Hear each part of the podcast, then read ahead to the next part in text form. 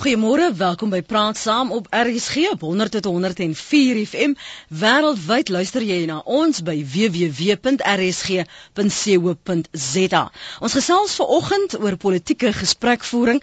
Tydens die 80er jare was daar hoogs vertroulike gesprekke wat die deure van onderhandeling en oorgang na 'n demokratiese Suid-Afrika moontlik gemaak het.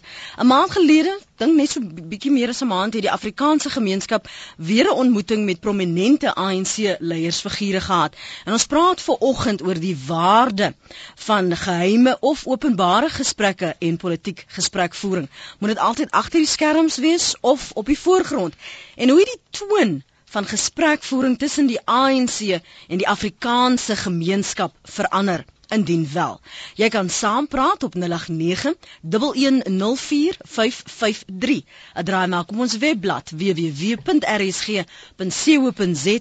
Jou SMS'e dis welkom by 3343. Dit kos jou wel R1.50 of jy kan my tweet by Lenet Francis 1. In Kaapstad gesels ons met professor Willie Esterhuise. Hy's 'n skrywer, akademikus en was politieke raadgewer vir Thabo Mbeki. Goeiemôre professor, dankie vir jou tyd. Ja, goeiemôre. En hier in eh, Johannesburg gesels ek met Dr Piet Kroukamp, hy's 'n lektor in politieke wetenskap by die Universiteit van Johannesburg en natuurlik ook deel van die nuwe groep. Ek sal dit maar nou nuwe ook in aanhalingstekens plaas van 'n uh, eh, Afrikaanse gemeenskap wat met die ANC van jaar begin gesels het. Piet, welkom ook aan jou. Sê gou net weer môre. Goeiemôre net. Dankie. Daar sê jou mikrofoon is uiteindelik ook aan. Kom ek praat eers met jou professor hoekom het jy destyds in die 80er jare besluit jy gaan deel word van 'n breë gesprek? Wel, daar's twee redes gewees. Ek is gevra om dit te doen en ek uh, kom uit die Karoo. Ek sê nie maklik nee vir iets wat interessant is en so nie. En dan ek sê die tweede rede is die 80er jare was ongelooflike bloedige en gewelddadige jare en ons moes 'n manier vind om uh, iets aan die gang te kry wat ons uit die soort van situasie kon uithaal. En daar was ander gesprekke ook. Ek wil net graag beklemtoon. Ek was nie die enigste een nie. Daar het baie waters, druppels en baie stroompies ingekom om ons te bring tot uh, 1990. En dit die belangrikste rede vir my was dat ek kon dit um, op 'n vertroulike manier doen hmm. want ek hou nie eintlik van baie openbare en publieke meer geformaliseerde gesprekke nie. Het jy toe die uitnodiging kom, het jy jou bedenkinge gehad want dit kon so maklik binne die milieu van die tyd kon jy as 'n verraaier uh, gesien word. Waarom wil jy met die die vyand gaan praat? O ja, inderdaad, dit was nie 'n eenvoudige storie nie. Mense moet kompromie aangaan. Daar is nie so iets soos 'n morele paradys waarin jy lewe nie. En ek Eh, my versoek die versoek wat ek gekry het het van twee kante af gekom van 'n baie groot maatskappy wat myn maatskappy wat belange in Suid-Afrika gehad het. So die sake sektor het 'n bepaalde belang gehad by gesprek en dan natuurlik dit is nou redelik bekend die nasionale intelligensiediens van destyds waarvan Dr Neil Barnard die hoof was, die het my ook genader.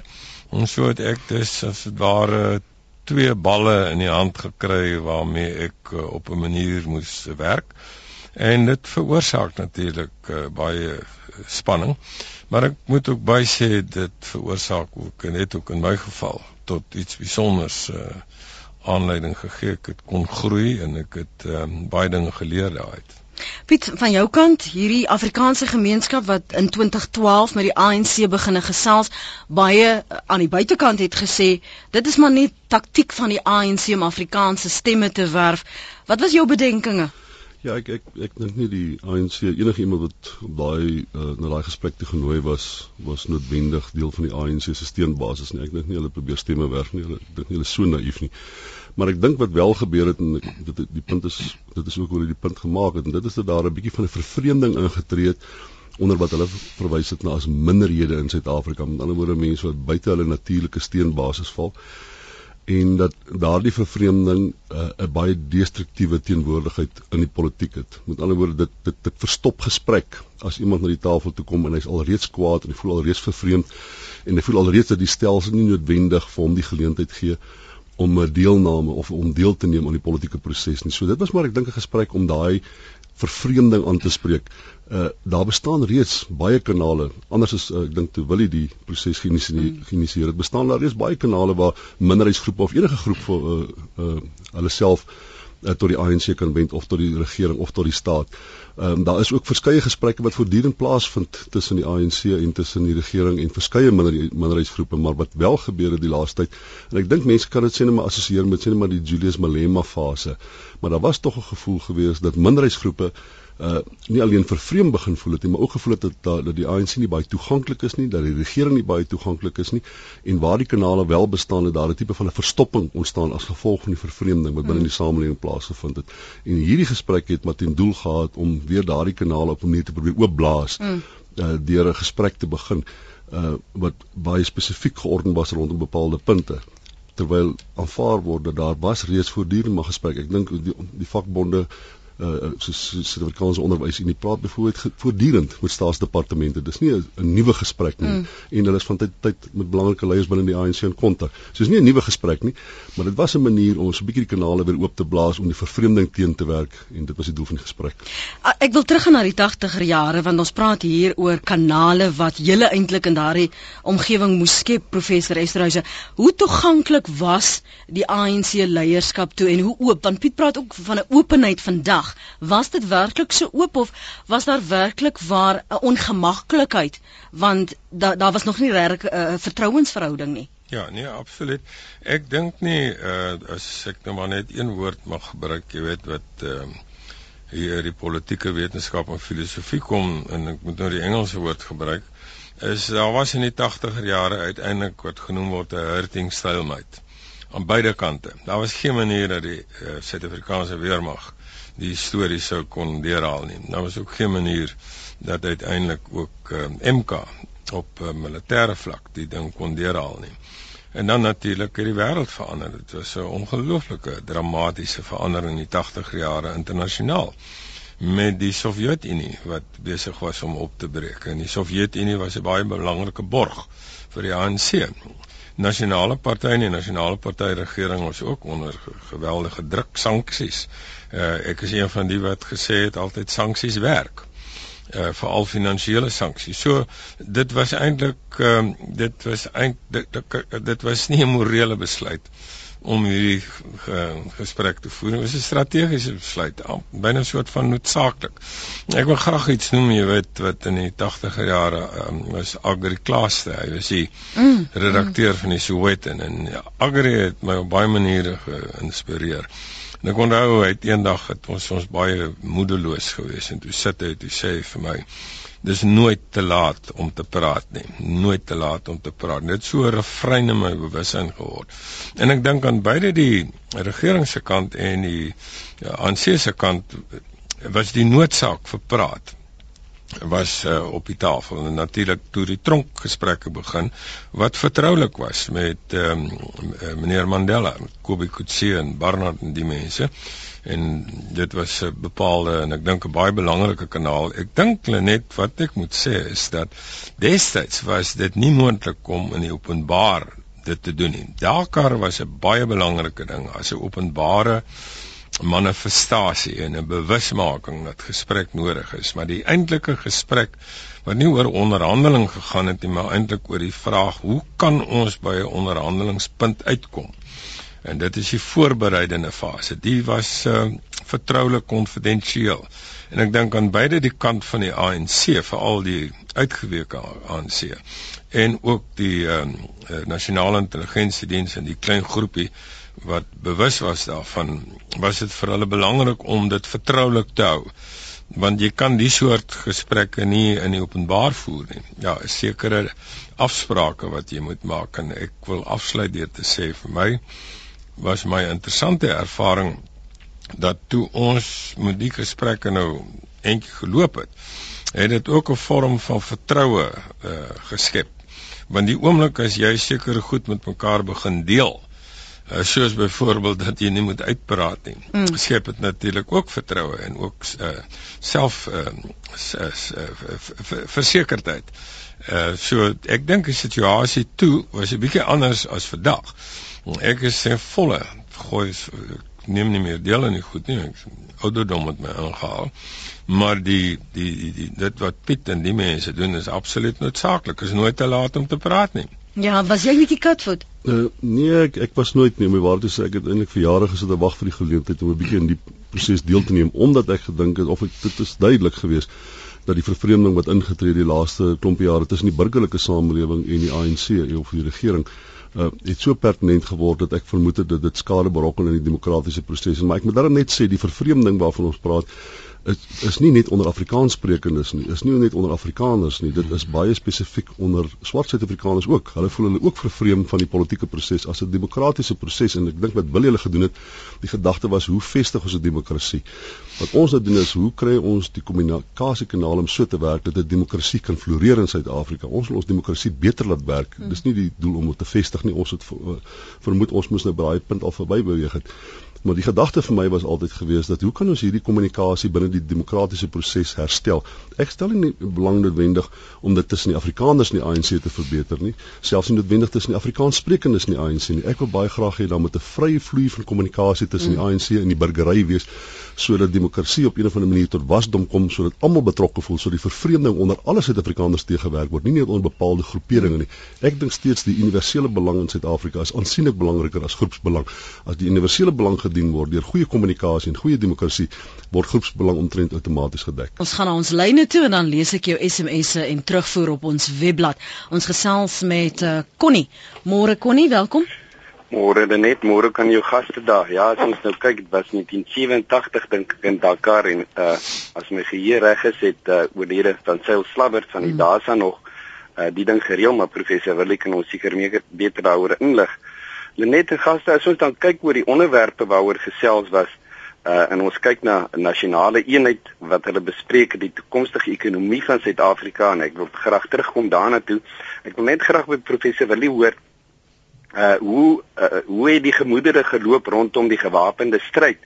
Ek weet uh daar is op die konferensie gepraat dat uh daar was nie uh eenheid rondom die onderwerp nie en uh dit het gebleik asof hulle die gewapende stryd sou wou verskerp en uh, wat het toe gebeur uh rondom hierdie onderwerp?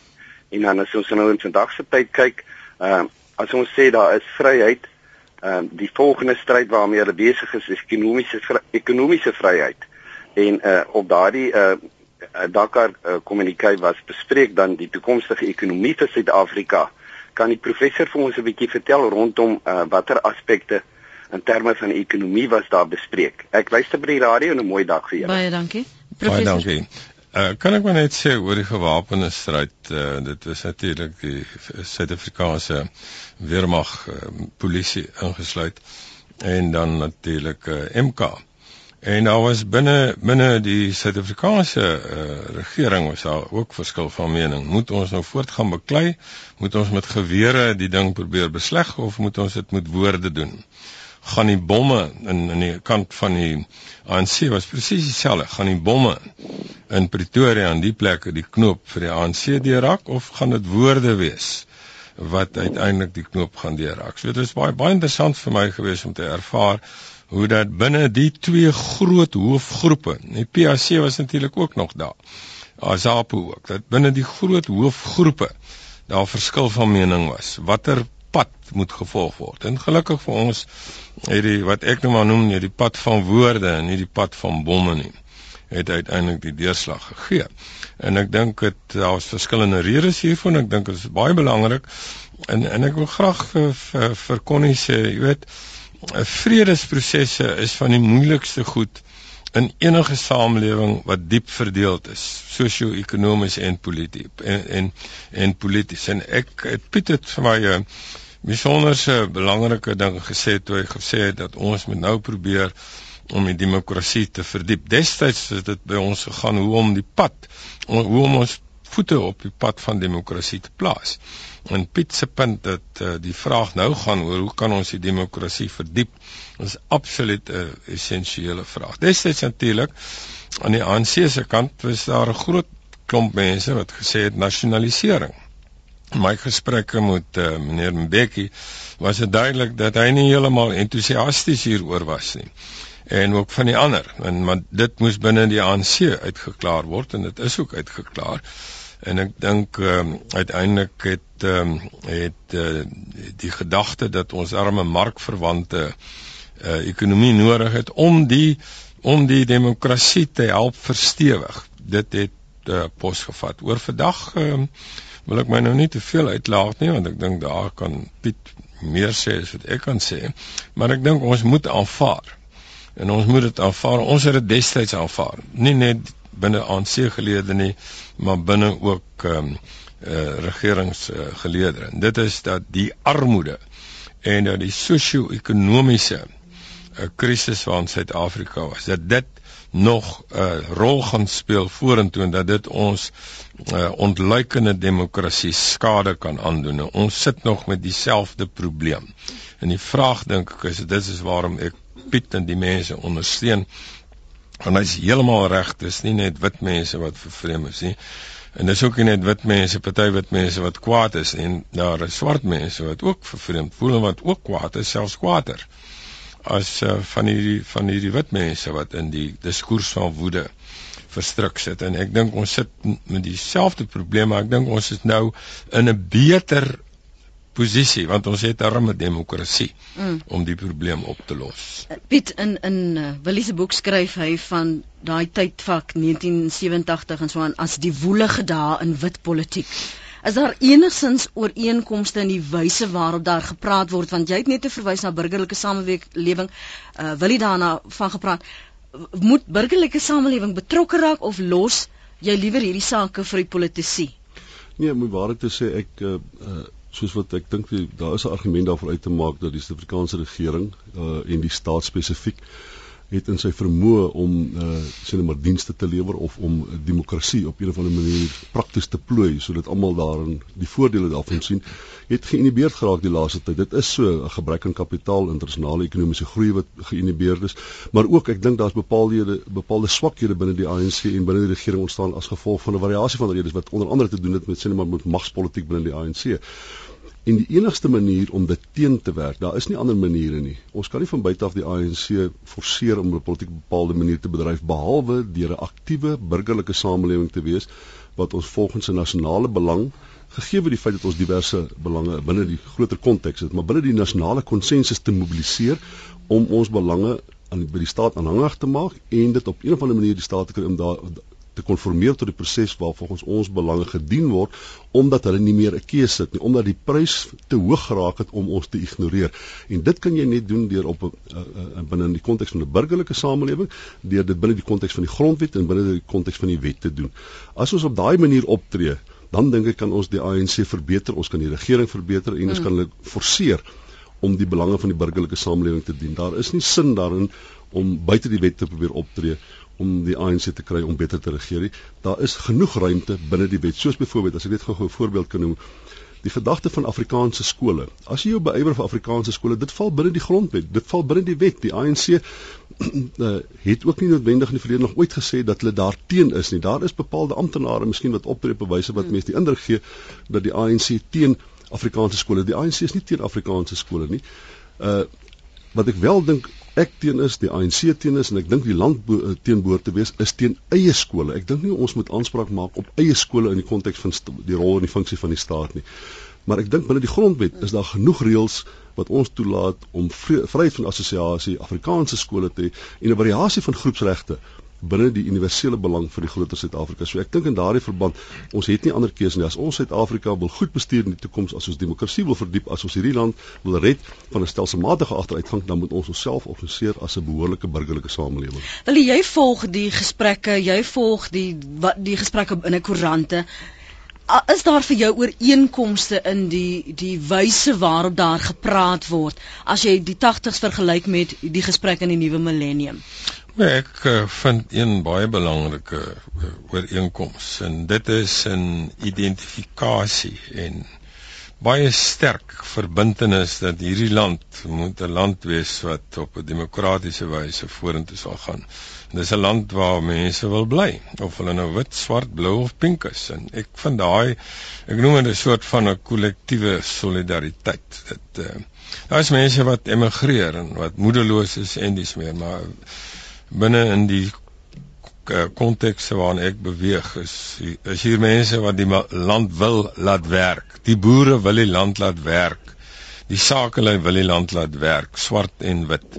En dit het ons in die 80er jare ook gevind. Daar was ook so 'n solidariteit. Ons het verskil polities. Ek bedoel ek en Agri Klaaste het verskille gehad, politieke verskille en so. En en so maar ons het oor een ding het ons nie uh verskil nie en dit is dat ons wil iets van die land maak en ons wil gesamentlik daaraan doen en dit is altyd vir my baie positief ek dink en ek dink 'n tweede ding ook is dat die burgerlike samelewing en veral die sake sektor in die 80er jare het ook 'n rol gespeel en die uh, aksent wat Piet plaas op die rol van die burgerlike samelewing en dis nie 'n wit burgerlike samelewing nie dit is 'n uh, diverse burgerlike samelewing. Uh die kan ook as 'n kragbron geld. Ek wil net so nie moet willige punt maak nie, maar daarom tog uh, ek het net die gevoel dat die sake sektor in die uh 70er jare in 1976 ons vier een van die dae 16 Junie. Nou die stedelike stigting is gebore as gegrond op grond as as gevolg daarvan. En die stedelike stigting was 'n moeilike en ook 'n moeisame storie. Maar dit was die sake sektor. Anton Rupert op 'n naam en hele lot het gesê nee, maar kyk, nou moet ons iets probeer doen. En hulle het iets uh, gedoen. En ek is nie heeltemal so seker of die sake sektor al daar is in terme van die soort bydrae wat hulle kan maak om van hierdie land nie net ekonomies uh, en hulle eie bankbalanse uh, beter te maak nie, maar algeheel ook sosio-ekonomies en daar wil ek um, ook uh, baie sterk inkom agter die idee dat die burgerlike samelewing uh, kan 'n groot bydrae in gelewer en dat die sake sektor veral kan help om ons demokrasie te verdiep. Ons vra vanoggend voort of daardie soort gesprekvoering, ons praat natuurlik oor politieke gesprekvoering as jy nou hier by ons aansluit en gaan nou nou my gaste weer aan jou voorstel, maar ons vra of daardie soort gesprekke altyd op die voorgrond moet wees of is dit beter om dit agter die skerms te doen? Jy kan saamgesels as jy die rukkie die gesprek volg op 0891104553. Kom ons gesels met Albert Noordnagel. Môre Albert? Môre Lenet, môre Willie, môre Piet. Lenet, uh die onderwerp van gesprekke gesprekke is altyd bitter bitter nodig. Dit maak nie saak of jy agter die skerms praat, voor die skerms nie, dit is belangrik om te praat. En daar was ook in die 80er jare baie ander gesprekke behalwe Dakar en behalwe wil hulle via via met ANC mense gewees. Dit is nie asof dit die eerste goed was nie. Die tweede punt wat ek net wil maak is Willie Estreisen self, Neil Barnard, Wile Maiklou van die NU almal het self aan die burger gesê dat hulle nie namens die NP of die regering met die ANC onderhandel het nie. Hulle het dit swart op wit gesê. En is 'n soort geheime gesprekke. Dis goed wat daagliks oor die wêreld plaasvind. Uh, en niemand roem daarop nie. Regerings gebruik of hulle ignoreer die insette. En dit bring my by 'n verskriklike belangrike punt. En dit is as 'n mens na 'n regering kyk, dan moet jy kyk na die magspel van 'n regering. Dit gaan absoluut absoluut oor mag. So was die nasionale party ook onder beheer van meneer PW Botha as die absolute maghebber. Ek het langs uh EW de Klerk gesit in die kokeskamer want ek was die ondervoorsitter toe die stemmery plaasgevind het nadat meneer PW Botha nou uh uh, uh gesê het hy wil nie meer die leier wees nie. En uh ek het meneer de Klerk geluk gewens en ek het gesê EW ek het nie vir jou gestem nie want ek glo ons moet vinnig beweeg. En toe uh, het hy so bietjie uh, verbaas gelyk en ek het sy hand gevat en ek het gesê, "Maar jy het my absolute lojaliteit." Tot op daardie oomblik was die enigste en absolute maghebber in die nasionale party was PW Botha. Ek het gesien in die kokes hoe waai hy sy hand van ongeërgdheid. Dis nou nie die vingerbeweging, dis sommer die hele hand oor Dakar in daai gesprekke. Wat ek wil sê is politici met mag luister na wie hulle wil, wanneer hulle wil, maar hulle uiteindelike spel gaan oor hulle eie mag en hulle posisie. en om nog mense te kry wat vir hulle stem. Nou ek wil net sê al het Willie Esterhuizen of Neil Barnard of NU glad nie bestaan nie. Al het hulle hoegenaamd nie bestaan nie. Sou daai gesprekke met die ANC sou gesprekke met die ANC nog plaasgevind het want die hele land was swanger van angs oor wat gaan gebeur. En ek wil sê ons moet vir F.W. de Klerk die eer en die krediet gee al het baie mense hom beskou as behoudend die grootste en die belangrikste magsbesluit in die hele bestaan van Suid-Afrika het hy persoonlik geneem en hy het dit gedoen ongeag wie met wie gepraat het hy het dit gedoen ongeag van watter voorbereiding daar mag gewees het hy het van meet af aan het hy weer begin en daarvoor moet ons hom eer Goed. sonder om hom te kritiseer. Nou wil ek net sê uh uh ek glo in absolute gesprekvoering, dis baie belangrik. Ek dink net nie mense moet buite die burgerlike samelewing of spesifieke mense moet glo dat hulle gesprekke nou die heel belangrikste. Laat ek jou net 'n voorbeeld gee. Ek lees nou onlangs weer weer eens. Uh, uh uh die boek van Willem de Klerk oor F.W. de Klerk. Weet jy daar's 'n stukkie geskryf. Die dag wat F.W. de Klerk sy toespraak van 2 Februarie gehou het. Mm. Daai selfde dag. Mm. Is Willem de Klerk na die nasionale intelligensie toe. Presies daai selfde dag. En in sy boek skryf Willem de Klerk, 'n hoë man van NU het vir hom gesê: "Jy moenie gesien word om te praat met terroriste nie." Ook binne die amptelike organisasies was daar 'n magspel van 'n van van van van van mense in NU wat belangriker wou wees as ander mense.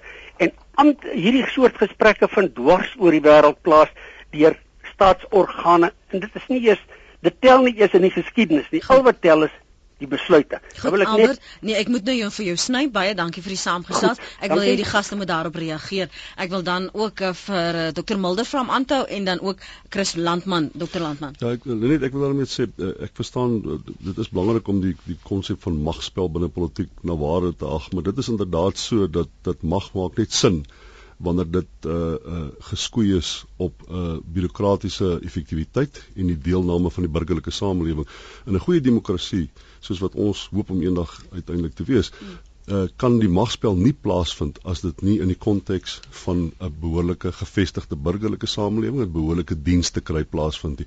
Om die waarheid te sê, mag en die verandering wat binne die magspel plaasvind, moet eintlik net plaasvind deur die intensies van die burgery uh gemeet aan die mate waartoe hulle behoeftes bevredig word. So ek dink in 'n demokrasie gaan dit oor 'n kombinasie tussen 'n bureaukratiese effektiwiteit, gaan oor dienslewering en dit gaan oor magspel. Maar magspel is die is in die, is die finale analise van van bepaalde prosesse wat vooraf afgaan. Dr Pieter Mulder, wil jy wil jy gou reageer? Ek sê 100% saam. Goed, dan kan ons net aanbeweeg. Dr Mulder, môre? Goeiemôre net. Kom ek praat vinnig net ehm uh, ek dink die Vryheidsfront se geskiedenis en ook my persoonlike geskiedenis van 93 af is meer as genoeg bewys dat ons aan praat glo. Dit is belangrik om te praat onder verskillende omstandighede. En uh, as jy nie praat nie, dan moet jy veg en daar's nie alternatief nie. Ons het al groot suksese gehad met praat. Ons het baie frustrasies gehad met praat. Daar's geen twyfel en ek kan nie lank daaroor toespreek. Wat ek wel wil sê in terme van vanoggend se gesprek is en dit sal wel hier verstaan.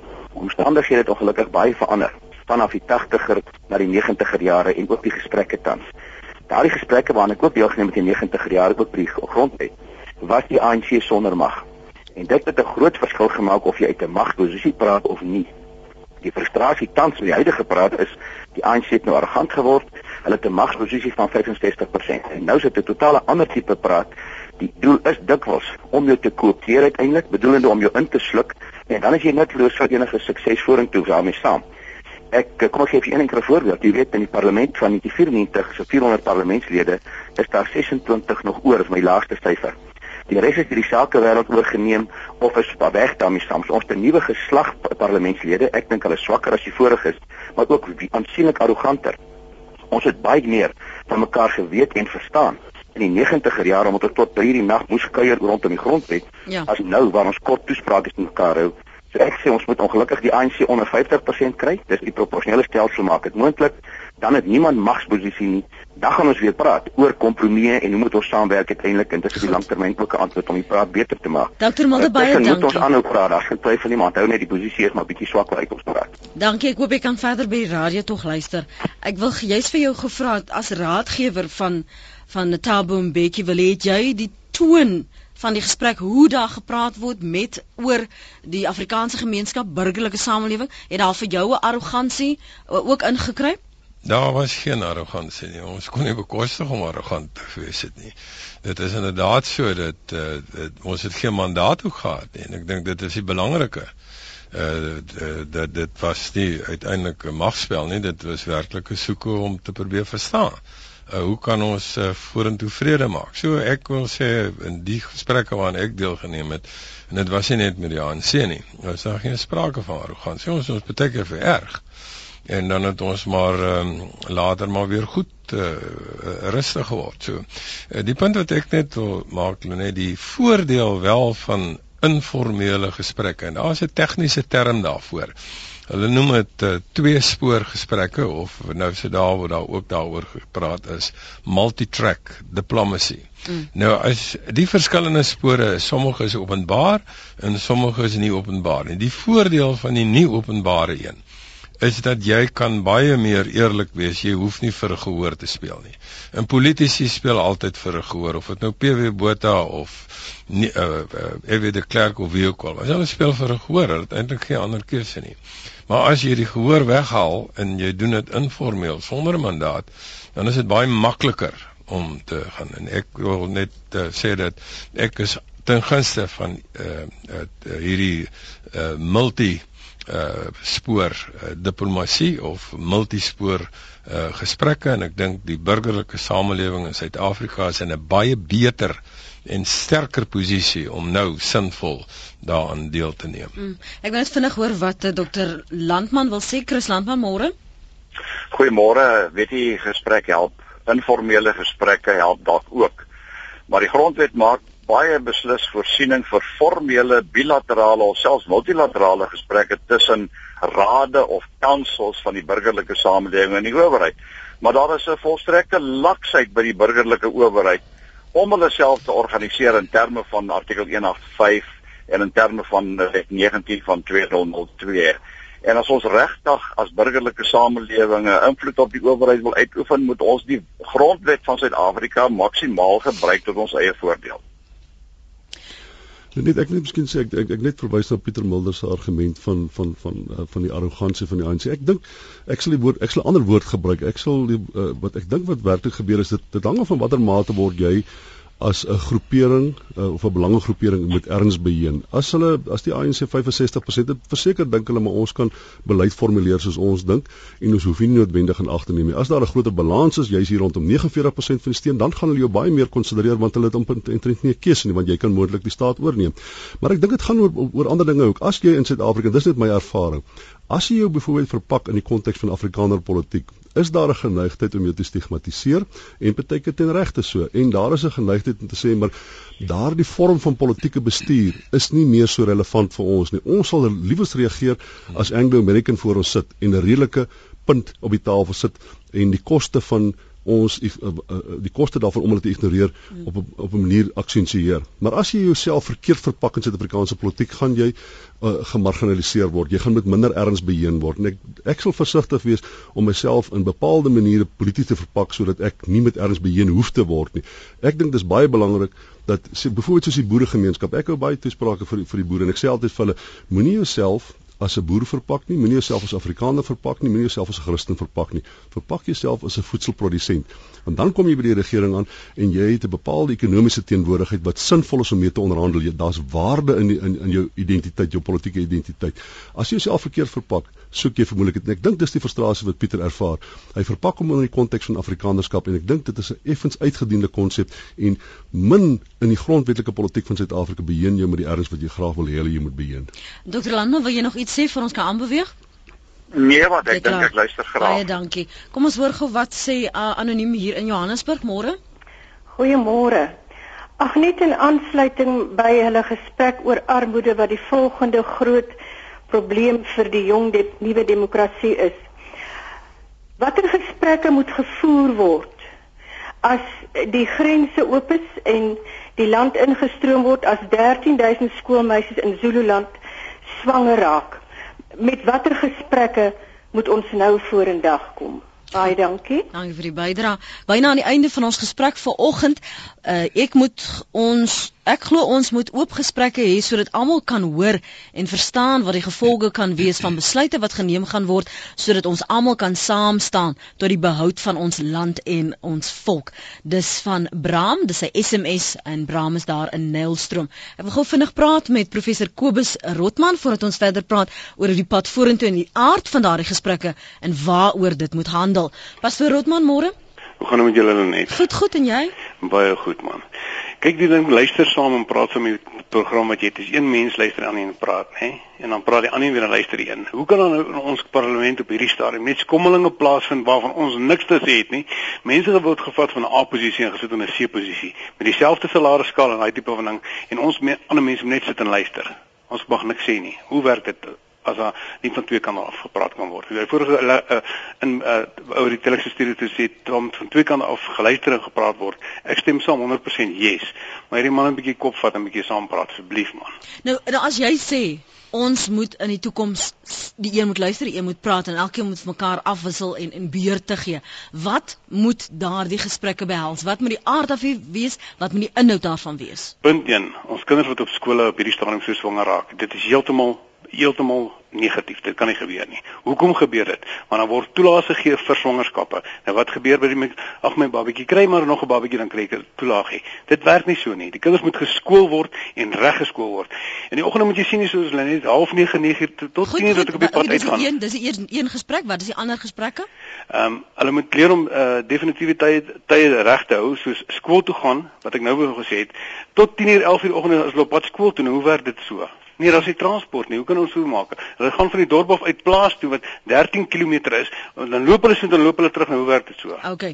Dankie pastoor Rotman van Ventersdorp daar van uh, daardie area. Wil jy die pad vorentoe, die inhoud en die aard van gesprekke en die omgewing, die omgewing in 2012 net, en voortaan. Net twee opmerkings. Een, ons is in 'n baie beter posisie om met mekaar gesprek te voer en dialoog te voer want ons het 'n grondwet In die 80er jare het ons nie regtig 'n demokratiese grondwet gehad nie. Dis een. Tweede ding is dit kan op verskillende vlakke begin. Ek self reken dat ons met baie meer op gemeenskapsvlak aan die praat gaan. Franshoek, Stellenbosch, Johannesburg, waar ook al. Daar is gemeenskapsorganisasies wat aktief werksaam is om al hierdie probleme waaroor hier nou gepraat is van swangerskappe en dis meer uh, te probeer hanteer en dit is waar die eintlike geluid moet gehoor word van praat. 'n Manier nie net praat nie, maar vorendag kom met idees en planne wat uh, op plaaslike vlak die burgerlike gemeenskap aktiveer en 'n paar dinge doen. Daar is verskillende van hierdie goed in die land aan die werk en dis mense blou, pink en en geel, swart, wit en indier wat dit doen. Ek is wil graag vandag sê. Ehm uh, afgesien van die 80er jare. Nou is die tyd en ook die geleentheid om op plaaslike vlak met verskillende organisasies saam te span om die gesprek aan die gang te kry en ook dinge gedoen te kry. Ja, ek dink ek dink ek stem saam met Willie en dan ek dink 'n verdere punt wat wat 'n belangrike ding is in terme van die dinamika van die gesprek in Suid-Afrika en jy sien dit in die media dikwels is daar's nie noodwendig meer twee kampe wat teenoor mekaar opgestel word nie. Binne die bevrydingsbeweging, die historiese bevrydingsbeweging, is daar baie interessante stemme wat 'n diversiteit verleen aan dit wat gebeur sê nou noem dit maar swart politiek of ANC politiek. Daar is nie noodwendige konsensus dat uh, jy ondersteun die ANC se punt ten alle koste nie. Daar is interessante gedagtes wat kom oor hoe kan demokrasie versterk word en dit is dikwels argument en, en om die waarheid te sê, die sterkste komponente van burgerlike samelewing wat die meeste uh die mees effektief was in die beskerming van die grondwet en die burgerregte het dikwels gekom soos mense soos Zakie Ahmad wat uit die ANC uitgekom het. Met ander woorde, daar is nie 'n tipe van 'n stelsel wat twee kampe te mekaar opgestel uh, gestel word nie. 'n diversiteit van stemme heers in Suid-Afrika en dit is baie belangrik. Ek dink ons het 'n komplekse, interessante gesprek geword. Die burgerlike samelewing in Suid-Afrika is nou sterker as ooit tevore. Jy kan seker effektief argumenteer dat die regering oor die laaste paar jare verswak het in die uitvoering van hulle verpligtinge, maar die burgerlike samelewing het aansienlik sterker geword en ek dink die regering is intens bewus daarvan en mense hoop dat uiteindelik sal jy 'n beter regering kry omdat die burgerlike samelewing nie meer geïgnoreer kan word nie. Nou as jy belangstel in die geskiedenis, dan uh, kan jy gaan lees oor wat daar in die 80s gebeur het, daardie gesprekvoering, uh wanneer dit geheim was, wanneer dit in openbaar was en uh dit is die ervaring van uh, ons gas vanoggend professor Willie Esterhuizer. Die boek se naam is Eindstryd. En baie dankie ook aan Willie en dankie aan Dr Piet Koukamp wat saamkom gesels het in vanoggend se praat saam. Lekker naweek vir julle. Baie dankie. Dankie Willie. Maar as jy na die pot gooi van vanoggend wil luister of enige ander praat saam, maak gerus 'n draai op ons webblad www.rsg.co.za vir die week se praat saam programme en die ander wat jy dalk in die verlede nie gehoor het nie. En jy's baie welkom om ander aan te beveel om te gaan sê, hoorie, daai interessante gesprek, ek kon nie luister nie. Kom ons gaan luister. Wel in fokus Sondag aand, die oorskot van die sogenaamde Ebo 4 na 30 jaar terug op eie bodem. Noord-Kaapse myne kry 'n hartseer afskeid en die regering se planne om die regte van inheemse volke te erken word bekend gemaak. Dis half 7 eh, Sondag aand op SABC2 vir meer aktuelle sake op fokus. Van my Lenet Fransis en dankie ook aan Jenny February wat jou oproepe hierdie week hanteer het. Hoop jy 'n wonderlike naweek. Bly geskakel op 100.104 FM wêreldwyd by www.rsg.co.za. Die lekker gesprekke en musiek ooit.